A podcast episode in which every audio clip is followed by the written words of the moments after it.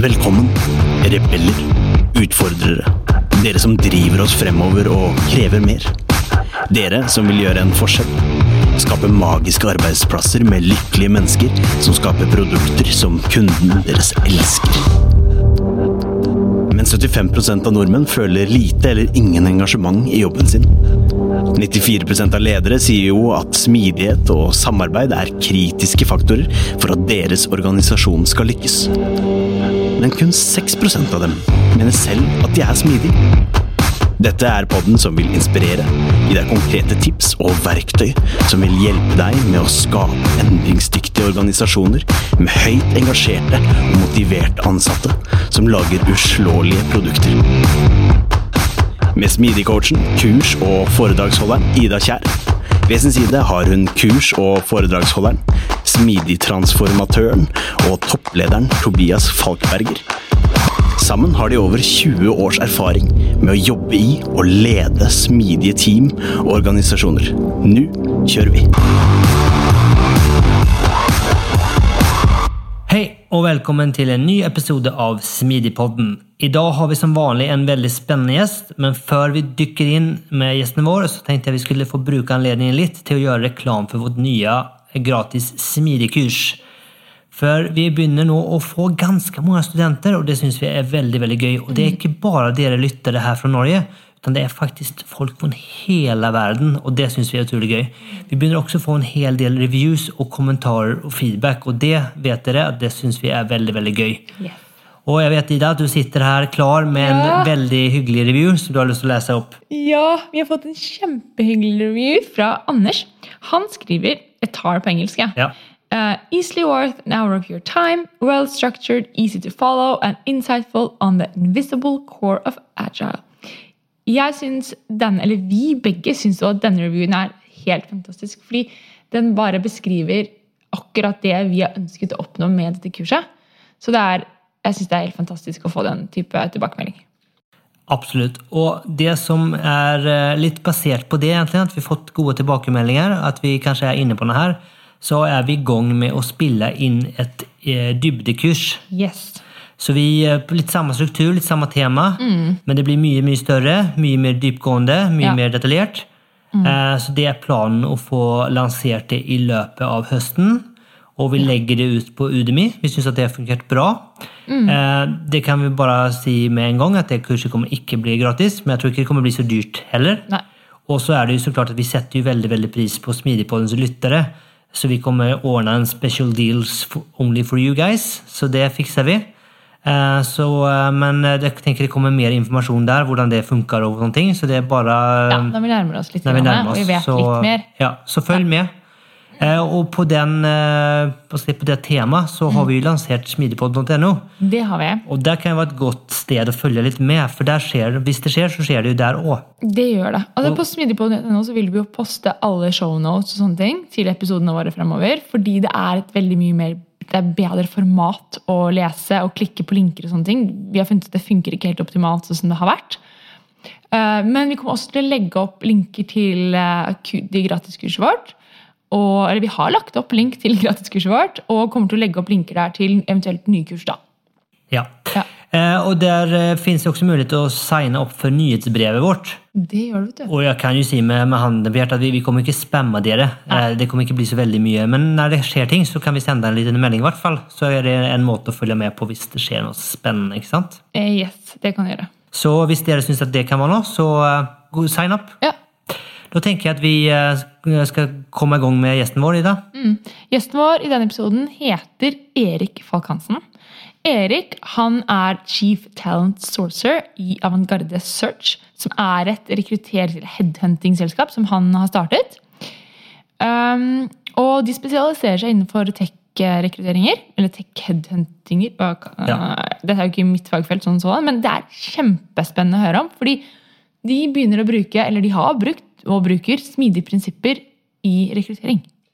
Og det er jo kanskje litt som eh, si, hjertesak, sier man det? Mm, er hjertesak for oss. Ja, At man faktisk liksom hele den hva skal si, konseptet eller tanken, idén om at du kan bruke smidig til alt. At det smidige mindsetet og de smidige prinsippene fungerer på alt. Og det er ekstra gøy når det kommer, liksom, vi kommer inn i andre eh, jag säga, Branscher? branscher, scenarier, eh, ting der det er brukt. Så det er veldig gøy. Så det her blir en veldig, veldig spennende episode. Yes. Så jeg tenker vi slipper inn Erik. Nå har jeg fått stå og vente lenge nok i gangen. Begynner å bli utålig. Drukket opp kaffen for lengst, så nå kjører vi. Velkommen, Erik, til Tusen takk. Smidigpodden. Kjempegøy å ha deg her hos oss. Jeg synes det var kjempegøy jeg fikk lov å være med. Vil du starte med å fortelle litt om deg selv? Eh, Gjerne. Ehm, Folk vil jo høre at jeg er fra Sørlandet. Eh, Men da jeg var 19, så pakka jeg sekken og sa farvel til mor og far. Eh, Jeg ville til utlandet og studere. Og jeg hadde fått et skikkelig sånn kjærlighetsforhold til, til England. Eh, litt pga. fotball, men mest for jeg ville studere. Så jeg flytta til Manchester. Eh, studerte eh, International Business i tre år. Fant det jeg trodde var drømmejobben like etter. En jobb som var veldig relevant i henhold til utdannelsen. Det var for Exxon Mobil, som var verdens største oljeselskap. Og jeg tenkte etter et år der dette, dette gidder jeg rett og slett ikke. Dette var ikke meg. Og heldigvis, helt tilfeldig, så kom jeg over at det var noe som heter rekrutteringsbransjen. Jeg visste ikke hva det var engang. Eh, Og jeg begynte som trainee-rekrutter i eh, England fra et selskap som jobba inn mot eh, IT. Og der var jeg i ti år. Først som rekrutterer og så som leder. Ble gift med ei engelskei og hadde vel tanker om å bare bo der hele tida. Men i 2014 så var det på tide å komme hjem til Oslo. Eh, Så da fikk jeg med kona. Eh, Og jeg begynte da å jobbe med omstilling, eller outplacement, innenfor oljebransjen. For det var da oljebransjen hadde den store nedturen. Eh, Og vi jobba med å støtte folk som ble sagt opp i selskaper, med å finne ny jobb. Og det var veldig interessant, for da fikk jeg på en måte se bransjen fra den andre sida, altså fra jobbsøkerens side. Ja. Ehm, og lærte ufattelig mye av det. Eh, men så begynte jeg å tenke når i 2018 kom at vi vil starte et rekrutteringsselskap. Ehm, det var jo utrolig mange rekrutteringsselskap der ute. Eh, så var det sånn Norge trenger ikke enda et rekrutteringsselskap. Eh, men vi brukte litt tid på å finne ut av hvordan kan vi være annerledes. Hva, treng, hva trenger man å endre på i bransjen? Og vi så fort at det var veldig konservativ bransje. Eh, Vi ville prøve å være mer moderne på, kanskje på det menneskelige plan. Og så kom vi på Det som har vist seg å ha vært en genial idé, og det er jo det vi skal snakke om i dag, det er dette med at smidig rekruttering funker skikkelig bra. Eh, og det er så merkelig at ingen snakker om det ennå. Eh, så det gleder jeg meg til å, å snakke om. Så spennende. ja. Ja, du kommer kanskje inn på, litt på temaet, for det er jo smidig rekruttering. Um, og kanskje du kan eh, liksom forklare litt hva du, hva du tenker der, hva du hva legger du i det, og kanskje hva, hva er forskjellen mot Vi har de her mer klassiske, tradisjonelle. Hva, hva, liksom, hva, hva er forskjellen, tenker du? Eh, altså, rekrutteringsprosesser tradisjonelt har vært veldig sånn eh, og Nå blir det kanskje noe engelske ord i og med at jeg har bodd lenger i England, men, men det har vært veldig sånn set in stone hva man skal gjøre. Man har planlagt helt fra begynnelsen at man skal gjøre dette, dette, dette, dette eh, over f.eks. en tre måneders periode. Eh, Og det har vært uavhengig av hva man finner ut eh, underveis. Man har på en måte bare blitt helt låst i prosessen fordi det var sånn vi bestemte man skulle gjøre det. Ehm, og det kunne ikke vi skjønne hvordan det kunne gi de beste resultater, for man lærer jo masse underveis. Ehm, så vi bestemte oss da for å prøve å implementere en del av disse, tolv smidige eh, eh, prinsippene. Um, og vi fant ut at vi kunne få åtte inn av de i Ja. rekrutteringsprosessen. I grunn syv, men så hadde vi et seminar om det, og så kom det eh, en dyktig dame fra, fra din arbeidsgiver eh, som het eh, Jeg husker ikke hva hun het, men fra DNB. Ja. Og hun la til at vi kunne implementere et åttende eh, prinsipp. da. Eh, og, og de tingene vi har eh, implementert, det er dette med tidlig og continuously delivery. Eh, at vi hele tida er åpne for at ting endrer seg basert på hva vi lærer. Eh, veldig mange selskap er vant med å bruke rekrutterere som går vekk og gjør alt arbeidet for selskapet. Eh, og så hører de fra rekrutteringsselskapet to måneder senere som kommer med kandidater. Vi snakker med våre kunder minst tre ganger i uka. Korte samtaler, se hva som går bra, se hva som må endres på. Så vi har hele tida den eh, dialogen. Eh, og så er det alt at ja, Offisielt så heter det jo det at uh, 'software is the measure of success'. Men vi har omgjort det til at 'candidates is the primary measure of success'.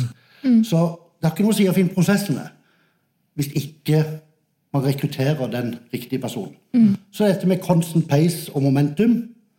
Og så den store, mener jeg, dette med simplicity. Jeg opplever at min bransje bruker mye tid på å, å gjøre for mye ut av seg selv, nesten for å forsvare at man har noe å bidra med. Mm. Og vi har bare snudd på det. Vi gjør det så enkelt som mulig. Mm. Eh, og da får man et mye bedre eh, forhold til kunden og jobber mye mer eh, effektivt med kunden. Og så er det de to siste. Det er dette med å tune, reflect og adjust eh, hele tida. Igjen basert på hva man lærer. Så er det sørge for, og det er det viktigste, at man har et team med skikkelig gira motiverte eh, kollegaer. Mm. Liksom de åtte tingene vi har klart å ta med, og presser kunder Ikke presser, men vi, vi selger oss jo inn til potensielle kunder som at hvis vi skal gjøre dette, så la oss gjøre det sånn. Dette er best. Ja. Uh, og so far, so good. Mm. Spennende. Ja. ja. for jeg vet jo eh, fra egen, egen, erfaring så er det jo Jeg tror ikke jeg har vært i noen prosess der du ikke lærer veldig mye underveis, som du sier. For du, det er jo noe i det du ser hvem som søker, hvordan du treffer i de første dialogene. Eh, og så liksom Det former seg der, og det blir jo liksom at, at liksom låse det tidlig, tidlig inn blir jo, og kan jeg ikke tenke meg fungerer mm. særlig godt. Altså det er veldig spennende at liksom dere ser det òg. Jeg tror jeg har, jeg har et eksempel som jeg, jeg, bruker, får lov å bruke av kunden, men i, i, vint, i, i fjor høst så skulle vi rekruttere Chief Marketing Officer for, for Airthings. Um, um, vi, de var ikke helt klare til å gå i gang når jeg først snakka med, med, Øyvind, som er CEO, men han sa til meg en gang Erik, vi trenger en uh, chief marketing officer. Internasjonal erfaring. Vi starter ikke noen offisielle prosesser, men gjør hva du vil i mellomtida. Mm. Og så fant jeg fire-fem spennende profiler på, på, LinkedIn og sendte de en melding den samme kvelden. Uh, to av de ble invitert inn til meg, for de hadde lyst til å høre mer om det.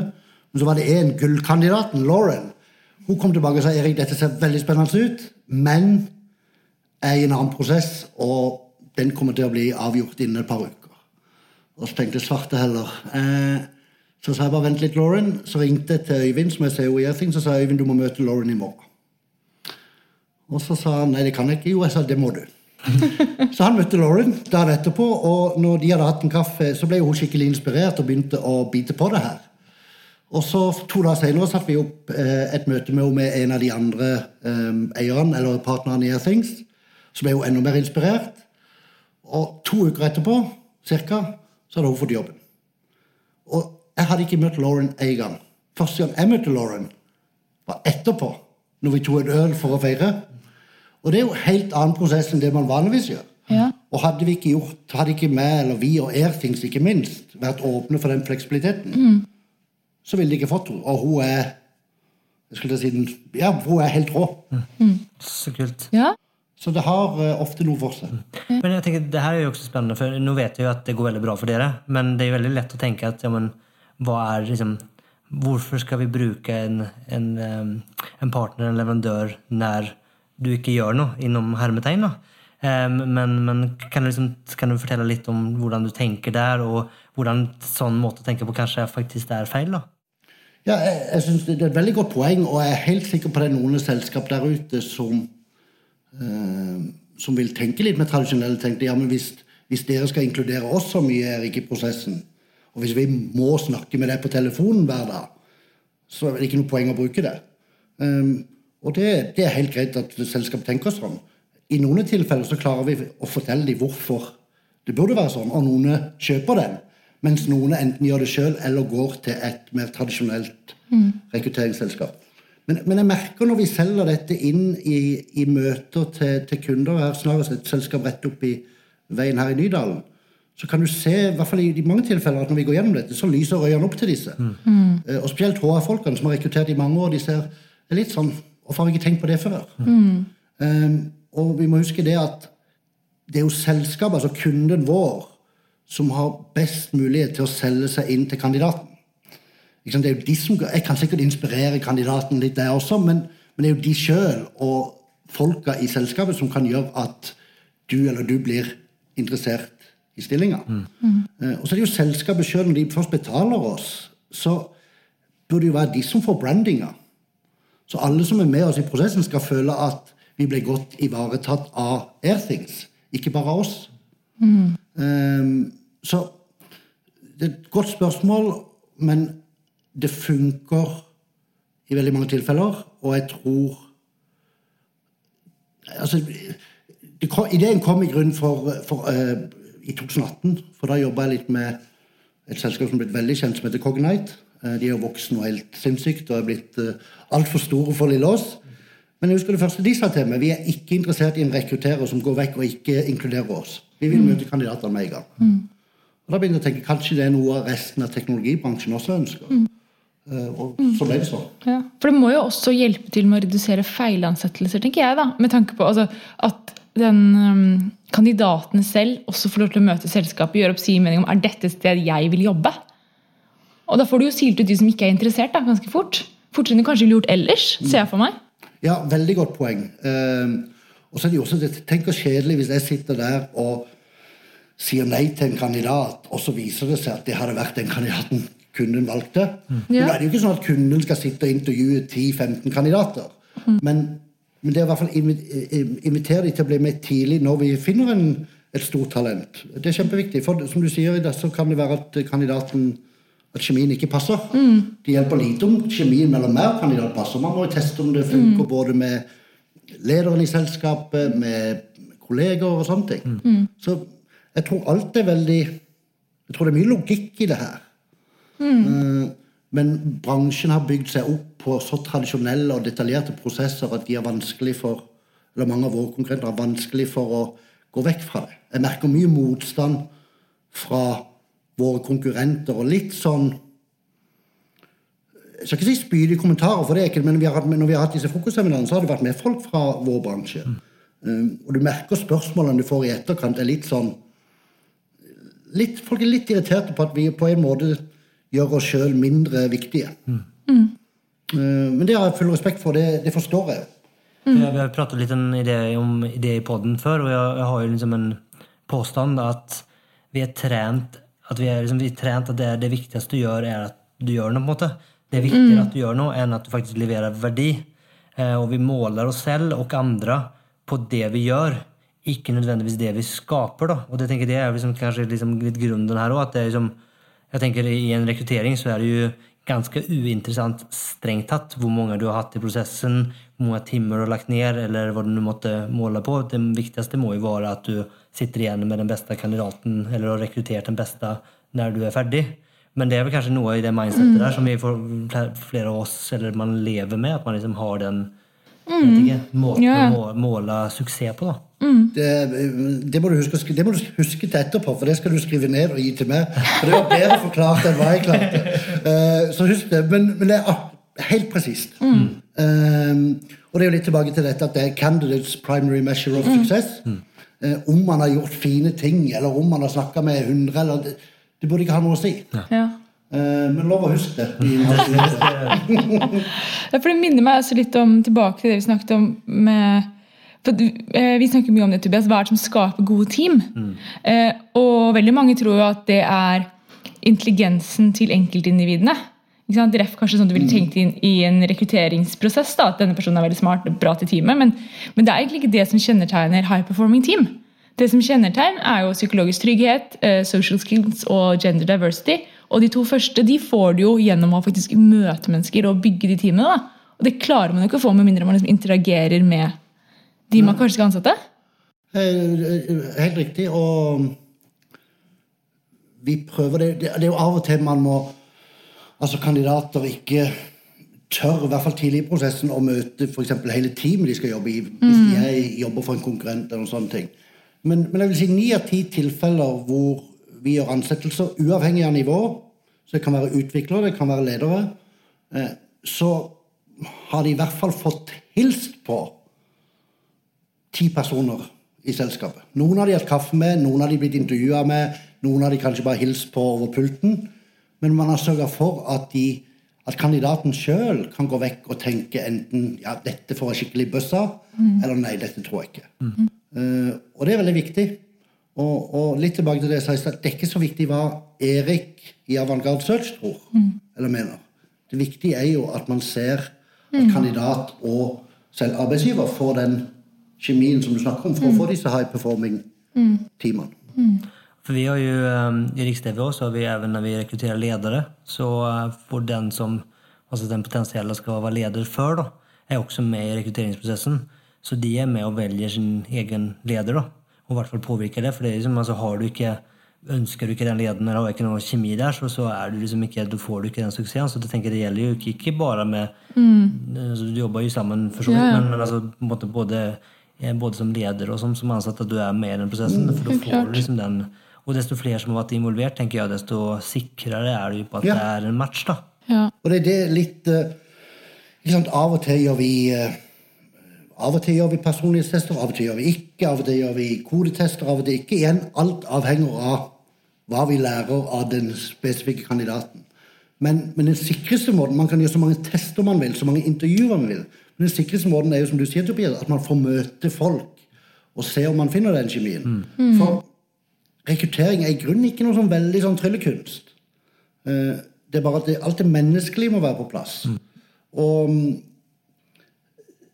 en ting med high performing teams, men også det at hvis du ansetter noen og ikke kjemien stemmer etter to-tre måneder, og de slutter, yeah. og så må du begynne på nytt eh, Det er ikke hyggelig verken for arbeidsgiver eller for, eh, for, mm. for den ansatte. Mm. Så jeg tror vår resultat En ting jeg er kanskje mest stolt av, det er at det er ikke mange vi har ansatt siden vi starta i januar i fjor, som har ikke lenger jobber for det selskapet. Så, sånn som Airthing, som er blitt vår liksom, ikke favorittkunde, men vi elsker de jo. Men, men altså, vår største kunde, det de har ansatt 14 av oss. Eh, og alle er der fortsatt, og de elsker det. Og det tror jeg ikke pga. at Erik har gjort en god jobb. Det er pga. Eh, Airthing som har tatt imot våre råd om hvordan de skal kjøre mm. prosessen. Mm. Fordi det jeg tenkte på også, er Én ting er jo at um, hvis man ser, en ting er at kandidaten skal ha det bra der de er, selskapet skal være fornøyd, og liksom alt det mellommenneskelige og team. Men jeg tenker også at hvis man, ikke, hvis man som um, leder eller som rekrutterer ikke lar seg overbevise av det her, så tenker jeg også at det må være et økonomisk perspektiv som er veldig bra. Det må jo koste vanvittig mye penger å faktisk ansette en person. Og det da hvis den personen slutter i løpet av kort tid fordi de ikke trives, da, at det er en feilansettelse så må det jo koste enormt mye penger å skulle gjøre det liksom igjen og igjen. og ja, både i, og igjen uavhengig om de bruker et eksternt rekrutteringsselskap. Det koster jo masse, masse tid. Um, og kanskje ikke man finner ja, Det kan ta seks, syv, åtte måneder før man, man finner noen. Uh, men, men, det er tilbake til litt dette med at selv om jeg har Og vi også bruker personlighetstester sjøl av og til, litt avhengig av situasjonen, så hjelper det lite hvis ikke man har sørga for at til, i hvert fall til 99% sikkerhet at kjemien med teamet man skal inn til, ikke bare med lederen Man må jo få møte teamet. Hvis en av dere var utvikler og skulle gå inn i et team med ti andre utviklere Det hjelper lite om dere bare har intervjua med CTO og CEO. Det kan være resten av teamet drittsekker, eller du er drittsekk, whatever. Men, så det er så viktig. Mm. Så det er så få som gjør det. Jeg skjønner det ikke. Ja, det er spennende, men for tilbake, du, ehm, du poster ganske mye på, på, på, sosiale medier, LinkedIn, og du får jo eh, Det er mye hva skal jeg si, attention. Det er, som, det, det, det, det er noen følelser der. Og vi har touchet litt innom på det. Har du noen liksom, tanke liksom, Hvorfor er det liksom Når vi ser, vi ser, at det er så bra, hvorfor er det noen teorier om hvorfor, hvorfor er liksom, motstander, usikkerheten, eller hva man hva, hva tenker man, hva er det man mister? Jeg tror det er generelt folk som, som er litt jeg skal ikke si redde for det jeg poster, men som ser på oss som litt sånn utfordrende. Vi, eller kanskje ser på at vi trykker de litt på tennene. Det er jo at vi mm. prøver å denne, denne lange, tradisjonelle prosessen som folk har brukt masse masse tid og mm. penger på å bygge opp, den prøver Erik og kollegaene å rive i stykker. Og det er faktisk det vi gjør. Ja. Så på en måte så kan du i grunnen kalle det disruptivt. Mm. for vi prøver å rive alt det i stykker. Og det følger nok noen etter, men eh, ikke ennå, i hvert fall. For det må jo være veldig skummelt hvis du sitter der og bygde, du bygde opp et, et godt selskap på en, en, en forretningsmodell som du tror på, og som du har liksom overbevist veldig mange om at det er bra, og sikkert fungerer, har fungert veldig Ja. veldig lenge. Så kommer liksom noen gærninger fra siden og bare nei, nå skal vi gjøre noe helt annet. Og det er mye bedre enn det du gjør. Ja. Det, så jeg har Så jeg skjønner jo at det må jo være veldig sånn skummelt og ja. Eh, og jeg vet det, for jeg har hatt eh, det samme med jeg får, For et lite selskap så får vi veldig mye plass i media, og det er jo kjempebra. Men jeg vet eh, et par ganger hvor, andre, hvor konkurrenter har ringt journalister og sagt hvorfor gir der Avantgarde Search så mye plass i media? Men da sier de at ja, men de sier i hvert fall noe nytt. Ja. Ikke sant? De sier det som alt, så, Men vi er jo langt ifra å være der, så jeg må være forsiktig, for vi, vi har gjort det veldig bra. Eh, Vi kommer lenger enn det vi trodde, men vi har jo langt, langt igjen å gå. Så du kan jo, hvem vet, plutselig funker ikke dette. Men uh, vi skal i hvert fall gjøre vårt for at uh, mm. uh, det funker. Men, men selvfølgelig samtidig respektere eh, konkurrentene og hvordan de gjør det på. Men det må være lov å disrupte noe uten at det betyr at ikke du har respekt for de som gjør det annerledes. Ikke sant? Og så er det jo ja, jeg må bare si, For det er det Tobias pleier å si det til meg, og sa det til meg veldig mye um, i starten vi møttes. Så sier han men bare fordi noe har fungert bra før, så betyr ikke det at det har vært uh, og vi skal endre det nå, så betyr ikke det at det har vært feil. Men det betyr bare at vi kan gjøre ting bedre. Og det, sånn motstand møter vel du litt, kanskje? I, Ja, jeg møter masse sånn motstand, eh, og det er det jeg prøver å kommunisere hele tiden. At bare fordi vi skal gjøre noe annerledes, så betyr ikke det at det vi har gjort før, er feil. Det var det. Det Ikke sant? Der satt den. jeg, skjønte, jeg tror folk litt Ja, jeg ville. skjønte det. Jeg bare er litt, Men, litt men, det, vanskelig men, det, for å men det er jo liksom en, en Jeg tror man er eh, dessverre tilbake liksom hva man er måtte, trent på. da Så er det liksom det at, at du har en sånn dessverre kanskje liksom erfaring av at det er sånn det er. Hvis noe kan gjøres annerledes eller gjøres bedre, så må det ha vært det du har gjort, har vært feil eller vært dårlig. Men det er jo ikke sant. Nei. Og det er liksom det er en sånn, liksom veldig sånn mindset-skifte. da som er, for det, det, er jo liksom, det merker jeg kanskje ofte når man prater om ting. Liksom at du går folk liksom, Kunne vi ikke prøve en annen måte, gjøre det på en bedre måte? Bare, da kommer du helt sånn bakpå og tenker shit, da har jeg, har jeg alt og har det som, Har alt jeg gjort vært feil? Ja. Då kommer du inn på liksom, kanskje hele selvbildet ditt blir liksom truet. For då kanskje tenker jag, om jeg, det her har jeg gjort i 10 år, 20 år, 50 år. Og om det nå kan gjøres bedre eller annerledes, har jeg, alt det jeg har gjort i hele mitt liv, har det vært feil? Har jeg kastet bort Ja, det kan liksom, det er, liksom, det. det er jo Kom, jeg tenkte på et sånt teit eksempel, men eh, jeg husker tilbake Jeg følger ikke med på vintersport, men jeg gjorde før jeg flytta til England. og det, I gode gamle dager var det hopp, skihopp. Der hoppa de med skiene sammen. Og så kom det en gal svenske og hoppa med V-stil, og så gjorde alle som mye mer. Det var jo ikke noe galt med den måten de hadde gjort det på tidligere, men det var sånn eh, tegner litt bilder. Det var bedre. Ja. Um, jeg tror Bra også eksempel. det jeg ser for oss um, Måten vi gjør det på, sparer oss penger, men kunden penger. Så, så vi kan være noe rimeligere med kunden fordi vi bruker mindre tid. altså Ting går raskere. Men da sparer kunden også penger for at vi kan bli, ta mindre betalt. Vi er langt ifra de billigste, det har ikke noe med det å gjøre. Men, men sånn som jeg tenker når et rekrutteringsselskap i Norge sitter igjen med 2-3% på bunnlinja av omsetninga, så er det noe feil. Det selskapet jeg jobber for i England, og det er ikke oppnåelig her, men de satt igjen med 35% Så hvis vi kan bruke våre tjenester og sitte igjen med 20% for eksempel, når vi er ferdig med å vokse, eh, det er liksom målet vårt. Da. Så jeg tror begge parter sparer penger også oppi. Ikke at det nødvendigvis er det viktigste når det kommer til, til rekruttering, da, men i hvert fall for startups og sånne ting som vi jobber med, så spiller jo det stor, ja. ja. stor rolle. Det må mye Ja. Men igjen då så tenker jeg tilbake kanskje til verdiskapningen. At jeg tenker jeg betaler jo heller litt ekstra for en bra kandidat og riktig kandidat Ja. enn litt mindre for en som ikke var en match. Ja. En ting som jeg ser kanskje på en utfordring som kanskje du vet litt mer om i dag, jeg tror, jeg tror det er veldig vanskelig, i hvert fall per nå, å kunne følge en veldig smidig metode med tanke på rekruttering i et stort selskap som masse rekrutterer. Eh, som sagt, Vi hadde folk fra DNB på dette seminaret, vi hadde fra de store konsulentselskapene. Og, og de var veldig positive til det. Og de, de sa de skulle gå hjem og utfordre seg litt av team på hvordan de kunne i hvert fall prøve noe av dette. Men det blir jo veldig vanskelig hvis du skal ansette 100 i året. Um, så det er, men heldigvis har jeg ikke trengt å løse det problemet. Men uh, Men det er klart, det, det kanskje krever litt med at du har vad säger, myndighet og mandat til å ta litt raske beslutninger òg. Men hvis det er veldig mye prosess internt, så kan det jo være vanskelig. Altså hvis, du, hvis det er en godkjennelsesprosess, eh, og mange som er involvert og må møtes og mene ting, og, så, så, så klart å begynner jo ting trekke i tid, og da Ja. må du kanskje booke opp tid i forveien, og da blir det mye prosess. da. liksom sånn som jeg ser Og det tar større selskap til seg også. Det kan være, noen selskaper har en, eh, en fast avtale med finn.no, de skal annonsere der. Så gjør de alltid det. Men hvorfor skal man annonsere på samme sted, uavhengig av hvilken type stilling? Vil det ikke være bedre å sette på hvor kan vi få mest ut av den individuelle stillinga? Om det er på Dagens Næringsliv, Skifter eller E24 eller Finn. Men folk gjør bare det samme uansett. De intervjuer på lik måte uansett. De screener på lik måte. Ja, jeg tror sånn Du sier at er man et stort selskap, så vil man jo kanskje ha noen standardiserte prosesser på det. da. Men jeg ser jo sånn, Vi har jo ansatt ny, eh, vi ansatte jo en ny smidig coach nå.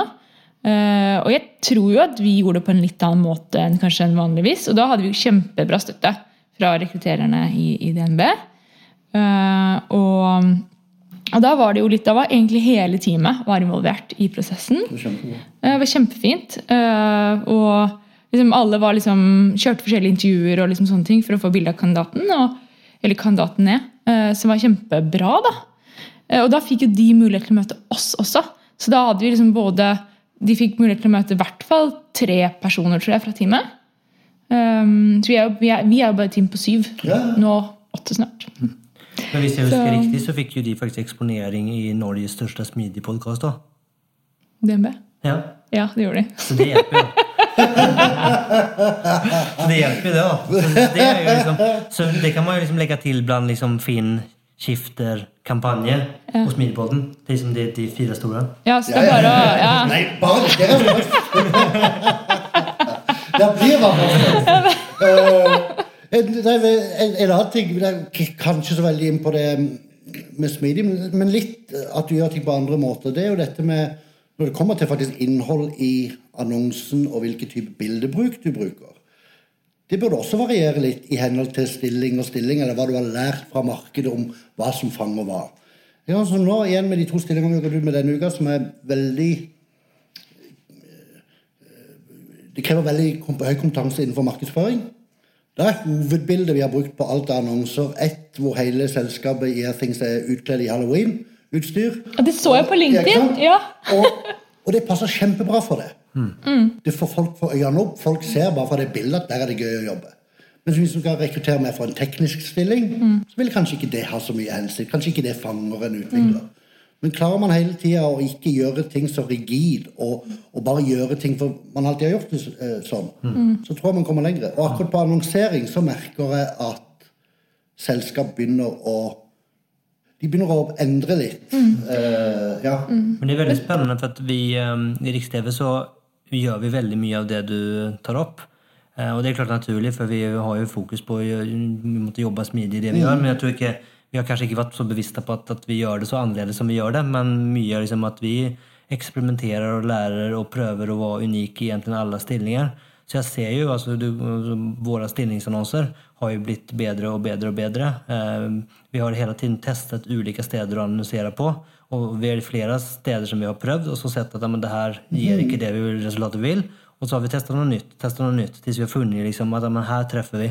Um, så jeg tror vi har altså brand Riks-TV som employer branding har blitt bedre, men jeg tror også vi har blitt mye bedre på å si, treffe, eh, lage materiell, lage stillinger som måtte attrahere da, gjennom læring over tid. Da, som er ganske spennende. Liksom, for jeg ikke, vi har alltid gjort det, men jeg har liksom ikke tenkt, Tenk på det. tenkt på det så mye over det. Det høres jo kjempe, kjemperiktig ut. Og, og jeg tenker jo også Når samfunnet endrer seg, og de nye generasjonene kommer fram, da, da må jo også rekruttering endre seg og komme fram.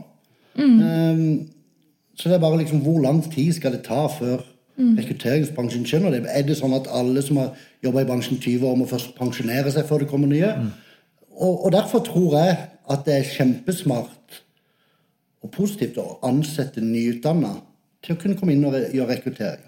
Det er ingen grunn, syns jeg, da, til at Lotte hos meg, som er nettopp ferdig med utdannelse, hvorfor, hvorfor skal ikke hun kunne gjøre en like god jobb på å finne en utvikler for selskap X som en som er, har jobba med dette i 30 år? Kanskje Lotte til og med er bedre, for hun vil ha sine egne ideer. Kanskje hun er mer på nivå med utviklerne pga. at de er på litt den alderen. Jeg vet ikke. Men gir man folk sjansen, så vil de ta ting i andre baner som ikke jeg hadde tenkt på engang, og som er kanskje mye bedre enn det, det jeg gjør. For jeg kommer, lyst til å komme med en påstand til. Da. Det, er, det tror jeg jeg har sagt for også, det er at Jeg mener jo at alle fødes smidige, og så blir de jeg sier, ødelagt over en lang karriere. Og det er klart at Hvis du da tidligere eh, de begynner å jobbe hos et selskap som ønsker å jobbe smidig, desto mindre endring er det som må til. For de har ikke liksom bydden da altså Den hierarkiske, byråkratiske, de prosessielle tingene har liksom ikke fått uh, feste ennå. Eh, da tror jeg den overgangen blir mye enklere. da. De tenker ikke over det, for dem er det liksom naturlig. Og man ser jo det som, altså, barn og altså det, er liksom det, det med teste ting, lære Teste ting lære, ja. det, det er så naturlig for mennesker. Men så har vi någonstans på veien bare glemt det. da. Eh, Så liksom komme tilbake litt til det liksom naturlige som ligger der. da. Ja, det, det er kanskje litt av grunnen til vi har sagt vi skal ikke ansette folk som kommer fra vår bransje. Mm. For da må man nesten slå ut alle disse prosessene hadde. Mm. Og det tror jeg er veldig vanskelig. Mens med Lotte og Fatia og Jonas og Hege og sånn her, det, de bare kjøper det med en gang. Og så kanskje de blir enda smidigere enn det vi er fra før. Mm, Ja, og pusher dere lenger, Ja. både kanskje med rekrutteringsprosessen, men også kanskje selskapet. da. Ja. Hvordan dere er internt. Og hvordan dere er, ja. Så jeg tror eh, ikke at vi bare kommer til å ansette nyutdannede, men det blir i hvert fall fokusen vår. Eh, per nå, da. Mm. Spennende. Har dere sett noe endring på eh, hva skal jeg si, eh, kompetansen eller fokuset på det som selskapene ønsker? Eller du har sett det som gjennom karrieren din? at altså, Ida var inne på at liksom, kanskje klassisk så har man sett på at det er liksom den, man skal ha den smarteste, beste karakterer. Mens nå kanskje man Er det andre ting som er viktig? Så kan du se noen se noen endringer der? Ja, nå, nå er jo vi nokså sånn, I og med at vi jobber kun inn mot teknologibransjen, det er jo nokså sånn fremtidsretta bransje. Jeg synes det er litt gøy. Eh, alle sier jo at de rekrutterer kun de beste og har de beste. Eh, og det, det vet jo alle det ikke er mulig, men, men jeg tror meninga bak det er at Cognite har de beste som passer best for Cognite. Airthings har de beste som passer best for Airthings. Og, og det gjør at de har de beste folka. Men, men jeg merker jo, og jeg er så glad for det, jeg det er skikkelig kult at veldig mange av kundene våre oppfordrer oss til å finne eh, Det kan være folk fra utlandet. det kan være, altså, De, de er så åpne for diversity. Eh, Det er helt utrolig. Jeg, jeg var med på et sånt eh, arrangement forleden for, for kvinner. Eh, høyt utdanna kvinner fra, fra altså minority countries. Og de eh, eh, det det heter. De, eh, de sleit veldig med å få jobb i Norge. De har god utdannelse, masse lang erfaring, men de sliter. Og det jeg kunne i hvert fall si til de som var positivt, er at innenfor teknologibransjen så ville dere hatt like høy verdi som alle andre. Og hvis teknologibransjen fortsetter i samme stil og får så mye suksess som de har allerede fra det, med det diversity, så vil jeg håpe og tro at mer tradisjonelle eh, bransjer, om det er bankingen, finance, shipping, ikke minst byggebransjen, at de også følger, følger opp. Men jeg tror nesten alle selskap nå som er både de vi jobber med, eller andre konkurrenter også jobber med innenfor teknologi, de er veldig åpne til å ha en, et, et, et multikulturelt team, og, eller diversity, da. Eh, Både på kjønn, på og vi snakka litt om det før, du, før vi, vi begynte her med dette med å komme med lilla hår eller ørering eller hva det måtte være. Nesering, vet du vel. Eh, igjen, det er ikke noe problem. Men kommer du med en nesering i shippingbransjen, så tror jeg ikke det intervjuet varer lenge. ja hvorfor? Men hvorfor? Så blir, Det er en sånn deilig følelse å se at disse selskapene Alt de tenker på, er bare at det er riktig person, uavhengig av hvordan de er og ser ut og kommer fra. og sånne ting. Så det burde bli Andre bransjer må etter hvert lære. For nå som hele Det blir jo et stort problem her, mangel på utviklere. Og når alle, For alle skal jo ha det. Når alle blir jo et teknologiselskap omtrent. Eh, og når disse mer tradisjonelle bransjene skal slåss med disse litt mer framtidsrettede selskapene og utviklere, så vil de ikke ha noen sjanse. Hvis alle skal ha Ola Nordmann med ti års erfaring som er sånn. Så jeg, jeg har stor tro på at tech-bransjen generelt gjør Norge, næringslivet, en stor tjeneste med å vise at resultatene er såpass bra med å ha mye uh, diversity i mm. de ansatte. Jeg ser på våre stillingsannonser òg, som har jo uh, nå er det kanskje, Det finnes ikke noe unntak her, men, men, i det store og hele så har det gått fra bullet points Eh, x antall års erfaring, du skal ha x sånn utdannelse nedover, ikke sant? Til mer egentlig bare brødtekst, med at vi ønsker egentlig personer som er eh, positive, ønsker å lære. Kanskje du har erfaring av noe sånt, eller kanskje noe annet, eller kanskje du bare syns det er spennende. Så liksom egentlig skrudd helt over til liksom at det er mer engasjement, interessen, eh, nysgjerrigheten som er fokuset. Og sen om du har så mange års erfaring eller om du har den eller den utdannelsen, det er, ikke, det er, ikke, det er i hvert fall ikke det som vi ønsker å filtrere på i stillingsannonsen. Mm. Mm. Og det tror jeg er bra branding også. Du, når vi begynte, Noe av det første Ingunn, kollegaen min i Stavanger, hun sa vi skal gå vekk fra disse stillingsannonsene som bare har bullet, bullet, bullet. bullet. Mm. Vi skal gjøre de litt mer levende. Eh, vi må selvfølgelig forholde oss til kundens type språk, altså hvordan kunden er. Mm. Men det å kunne skrive en, en stillingsannonse i litt mer muntlig språk og skape engasjement eh, For det første så gjør det at du ofte da skaper engasjement hos noen som leser dette uten at de er på utkikk etter jobb. Mm. mm. Men det som du sier, det å bare skrive i, i tekst istedenfor bullet var det viktigste tingene du er ute etter i, i personen. Mm. Istedenfor å ramse opp alt av fine ord og alt av egenskaper. Mm. Det at du tilrettelegger for at kanskje en stjerne søker som ikke ville søkt mm. hvis hun eller han hadde sett veldig sånn spesifikt. Uh, og jeg syns spesielt gøy å skrive altså Våre stillingsannonser når vi skal ansette sjøl, de er helt spinnville.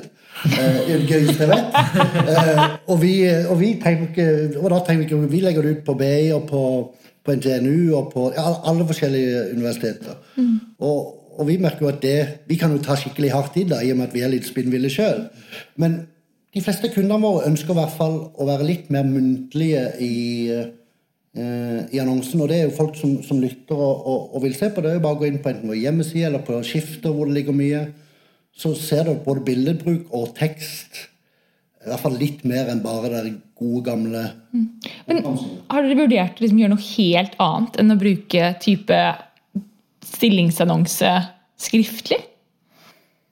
Ja, vi um ja, hele, hele tida. Vi, vi, vi, lager alltid en video eh, mm. for hver stilling eh, vi får inn. Eh, enten gjør kunden det for oss hvis de, har, mm. Hvis de syns det er viktig å gjøre det sjøl og ha stor markedsføringsteam. Eller så bruker vi Vibio, som er den nye løsninga, som er kjempebra og kjempeenkelt, som i hvert fall gjør at oss tre ja, Da er jo dere gode på video, faktisk. Så, men, men, folk som meg, da, som ikke har peiling, at uh, vi kan lage en en god video. Mm. Uh, eneste negativ med det er at det sprer seg dessverre av merkelig grunn ikke fullt så bra i sosiale medier. Mm. Men det vil jo fange noen mennesker som kanskje ikke ville lest en skriftlig annonse. Ja, for jeg tenker Da åpner det seg en helt ny verden. Liksom, YouTube-annonsering. eller sånn, Nå ut på et helt annet ja. Til helt andre typer mennesker. Da, som sitter der, ja. For Vi bruker også ganske mye, mye video, og det vi ser, eller liksom, hvert fall min tolkning av det, er at jeg mener at det er mye vanskeligere å lyve på video enn det er å lyve i tekst. Så, så, ja, så jeg, liksom, troverdigheten i video er mye høyere. Så altså, det, ser du et ansikt? Så, ja, så når det står nå at ja, men det her er et kjempefint selskap i tekst, så bare, ja, ja, de kan skrive hva de vil. Ja. Men når du ser folka, hvordan mm. det er, så man, ok, men det her er jo de ikke bare sier at det er bra. Det ser jo veldig bra ut. Det mm. virker et sted som jeg har lyst til å jobbe. Og da får du liksom en genuinitet i det som, som trigger noe. Mm. Jeg tror, Det er jo kjempegod idé. Jeg tror, jeg skal ikke si selskapet, for jeg, jeg, jeg, husker ikke helt om det er de. Men et av de selskapene i Norge som rekrutterer flest nyutdanna. Det var vel tre år siden at de lagde en, to videoer. En video hvor de brukte masse masse penger på. En sånn typisk corporate mm. greie. Og en video som de gjorde sjøl med mobiler. Mm. Og forskjellen på hva som ble lest altså, Og dere vet hvor jeg vil hen med dette. Altså Den de hadde lagd sjøl, det spredde seg Det er så genuint. Ja. ja. Og det er det. Jeg tror det, Den genuiniteten savner jeg både i min bransje, men også i alle selskap som rekrutterer. Mm. For man henger seg tilbake. Men jeg kom på en idé du spurte Ida om vi, hva vi tenker sånn Er det andre måter å annonsere på? og bare sånn idé jeg fikk inn i kanskje hodet nå, det er jo det at istedenfor å skrive stillinger sånn, så bør man heller i sammen med kunden skrive godt innhold om noe samfunnsrelevant, og heller bare på slutten skrive at 'by the way', vi søker Ja, Eller lage en podkast om det. det er en interessant Det er lett å fange Da har du de som virkelig er interessert. da. Ja. Som liksom tar seg tid til å lese det. Følg med, jeg skal prøve det neste uke. Ja. Men ikke sant, Sånne ting. Og der kom det et godt Plutselig ut et tips fra det dere sa, som jeg tenkte på. Det er igjen litt av konseptet. La oss prøve noe nytt. Mm.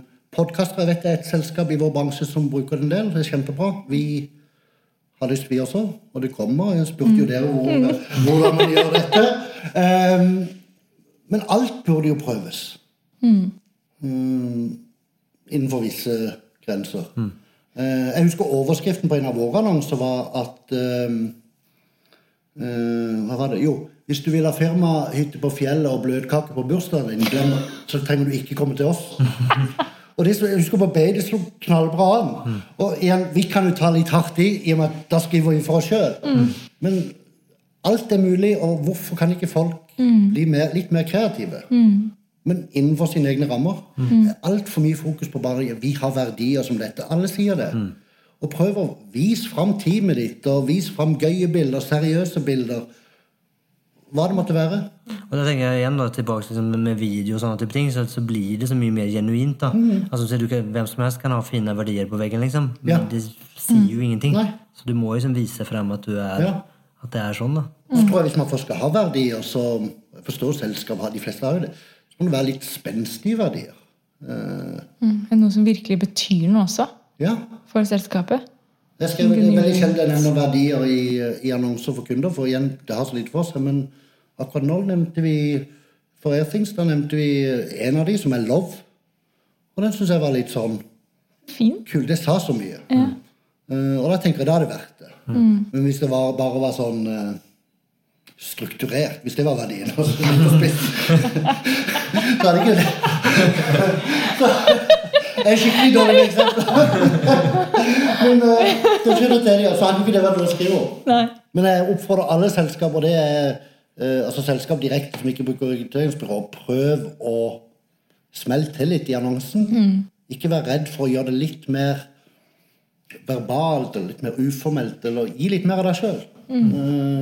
og det tror jeg spesielt den yngre, yngre garde som skal ha jobb. Eller det ser jeg når vi legger ut på BI og disse forskjellige stedene. Så nå lærte vi, nå kom jeg på en ny idé etter å ha snakka med dere. Det er dårlig, det ikke dårlig.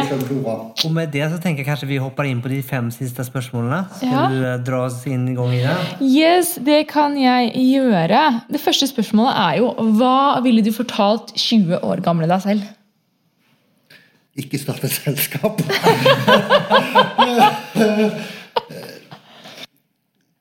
Jeg ville fortalt at ikke jeg skulle tatt den første jobben min etter utdannelse bare fordi det så fint ut og passer, passer med studiene. Godt tips. Mm. Litt tilbake til genuinitet og verdier, kanskje. For hvis ikke så hadde jeg aldri endt opp med, med det jeg har drevet med i alle år. Jeg visste jo ikke hva rekrutteringsbransjen var i gang da jeg var 22 egentlig. Eh, Så det vil jeg tro. Veldig bra. Hva mener du kjennetegner en god leder? Å, må jeg passe på å unngå klisjeene, for det er ikke Erik-stil. Um, jeg skal prøve å ikke komme med noen klisjeer, men det går jo nesten ikke. Um, for meg så må en god leder være en og Det er kanskje litt Jeg føler en god leder må være faktisk en venn. Jeg husker min leder i, i UK i alle år. Eh, kjempegode kompiser. Og mange vil si at det burde det ikke være.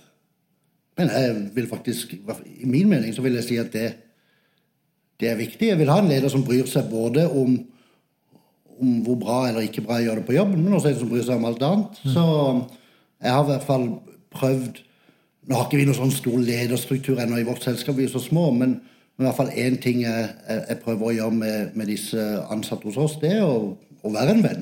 De kan fortelle meg alt, de kan kjefte på meg, de kan altså, og kanskje ikke det går på når man blir veldig veldig store, men i hvert fall en leder som ja, som bryr seg, og som, som faktisk er en venn. Jeg vet ikke om det er riktig, men det mener i hvert fall jeg. Jeg syns det var veldig fint. Jeg synes det også var veldig fint. Det er sikkert masse man kan kritisere med det også, det er jeg helt sikker på ville vært riktig, men jeg syns det. Ja. Ja, jeg synes at Man kan i hvert fall reflektere rundt altså, er det nødvendig å ha den avstanden. da? Er det som Kommer noe godt ut av det? For det tror jeg kanskje ikke det gjør. Jeg tror at uh, close den avstanden tenker jeg er en fin, fin tilnærming. Mm. Hvis du skulle gi noen tips da, til de som lytter, hvis de vil etablere litt mer smidig rekruttering da. Jeg tror litt det du, det du var inne på i, i stad, Ida, det er dette med bare hoppe i Altså tør å gjøre det. Ikke se på det som et, et hassle å, måtte gjøre det. For ok, kanskje ting går bra som det men prøve noe nytt, så kanskje det blir enda bedre. Um, og jeg tror at man må tenke at hvis man kan gjøre det smidig, så er det ikke bare at man vil sikre de beste ansatte. Jeg er jo helt overbevist om at det vil også skape et bedre employer brand utad. For, og det har vi ikke snakka om, for kandidater på andre sida de liker smidige prosesser. Og spesielt altså, kandidater som det er stort behov for. Altså, eh, ja, både på ledernivå og teknisk nivå. De er, pardon my French, men de er drittlei av disse lange prosessene. så de, de gidder ikke å bli med i gang. Uh, og det er en av våre største når vi skal kontakte kandidater. Det første jeg sier til dem bare glem, jeg sier det ikke akkurat sånn, men bare glem alt du tenker på tungvinte prosesser. Vi er ikke sånn. For hvis ikke så ville de bare sagt jeg orker ikke dette. Det er så mye jobber for de uansett. Så eh, tenk også at det er en stor fordel for, for kandidatene. Um, tror jeg er viktig. Um, og hvis ikke det virker, så virker det ikke. Men det, er helt, det vil helt sikkert virke. Eh, om du implementerer ett smidig prinsipp, eller fem, eller åtte. Kanskje noen til og med kan gjøre enda mer enn det jeg kan. Eh, Prøv det i hvert fall ut. Og det husker jeg fra det seminaret vi hadde med eh, både DNB og Telenor var der, og KPMG. De sa i hvert fall at de skal prøve å implementere ett eller to av disse. Ja. Og det tror jeg virkelig har noe, noe for seg.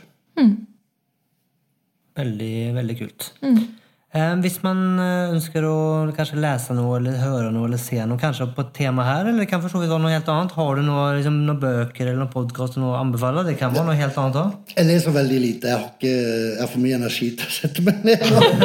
Og jeg ser ikke på TV engang. Eh, Men jeg tenkte, for det, jeg så det spørsmålet på forhånd, og jeg leste en bok en gang som jeg tror veldig få har hørt om. eh, I hvert fall her i Norge, men en nokså populær bok i England.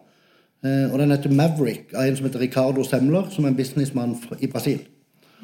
Og han eh, han, har start, eller han begynte på 90-tallet det som er, det står her 'The success story behind the world's most unusual workplace'.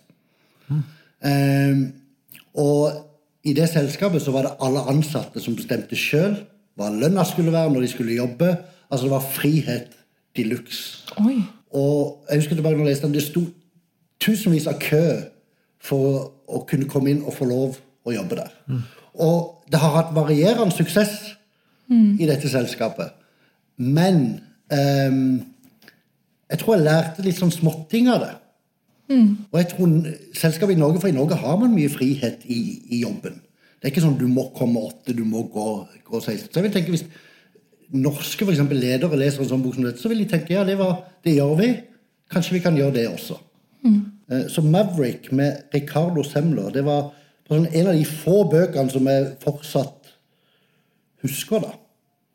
Eh, Og så må jeg si for de yngre Det er ikke noe markedsføring jeg skal gjøre nå, men jeg syns den her eh, Voksenpoeng-podkasten til Nora eh, i det, nei, i E24 eh, Det jeg liker med henne, det er at det er veldig lite snakk om altså, yngre folk, altså studenter og nyutdanna. Det er ikke så mye tekster og podkaster for de. Men hun har starta et konsept hvor hun skal snakke Hun har én serie som går på det å kjøpe bolig, en på investering og en på, på karriere. Og den hører jeg på hele tida. Det er sånn litt gøy at nyutdanna også får Altså at, at de blir feeda. Jeg føler de blir oversett litt i alt jeg er som om, rundt podkast og rundt næringsliv og sånne ting. Så det hører jeg på. Hører på dere litt. Og nå skal jeg høre enda mer. Så ikke hør på denne. Ehm, ehm, ja, men den boka, 'Maverick', den tror jeg sånn, uten å være helt klar over det, at jeg har i hvert fall implementert noe av. Uten at folk bestemmer lønna sjøl. Nei, men Spennende. Det er en bok som vi i hvert fall ikke har hørt om. Jeg har ikke hørt om den. Jeg- tror nesten ingen har gjort det. Nei, Når du sa Maverick, tenkte jeg på Top Gun med en gang. Filmen. Ja, jeg tenker på den filmen. Folk kan tro den der filmen Maverick med godeste jeg husker vel Mel Gibson, men eh, det er ikke noe med det å gjøre. Nei. Nice, all right. Eh, siste spørsmål. Det er hvis noen vil komme i kontakt med deg. Hva gjør de da? Det er egentlig hva som helst. Eh, Facebook, LinkedIn, Instagram, SMS, telefon, hva har jeg glemt nå? E-mail. Det eneste tingene, og det, det tror jeg dere Jeg vet ikke. Hvorfor legger folk fortsatt igjen telefonsvar? Det er det verste jeg vet. Så det er ikke legge en telefonsvar. Selvfølgelig folk skal få lov til det, men hvorfor? Du er jo så Når skal det gå ut på dato? Tror, er det noen som gjør det lenger? Ja. Ja. Jeg har lenge siden jeg har fått melding på telefonsvar. ja jeg får daglig, og jeg, Ja. Jeg hører ikke, jeg bare sender en mail. Så send heller en SMS, da. Ja. Ja. Eh, Men eh, det letteste er alltid å få tak i meg på så det er veldig viktig på SMS. Hvis det er noe du vil ha råd om, eller sånne ting. Nå kan jeg ikke hjelpe alle som, som melder meg, men uh, send meg en mail eller ring, LinkedIn-melding. Og ikke vær redd for å knytte kontakt på LinkedIn. Det syns jeg bare er, uh, bare er hyggelig. Herlig. Da kan vi linke opp til litt i beskrivelsen. Så Det gjør mm. Så finner dere kontaktinformasjonen til Erik der. Og det er jo samme med oss. Vi setter jo også pris på når folk eh, legger oss til på, på LinkedIn. Eh, både som oss som personer, og, eh, og Smidigpodden som Det er vel et selskap, er det ikke det?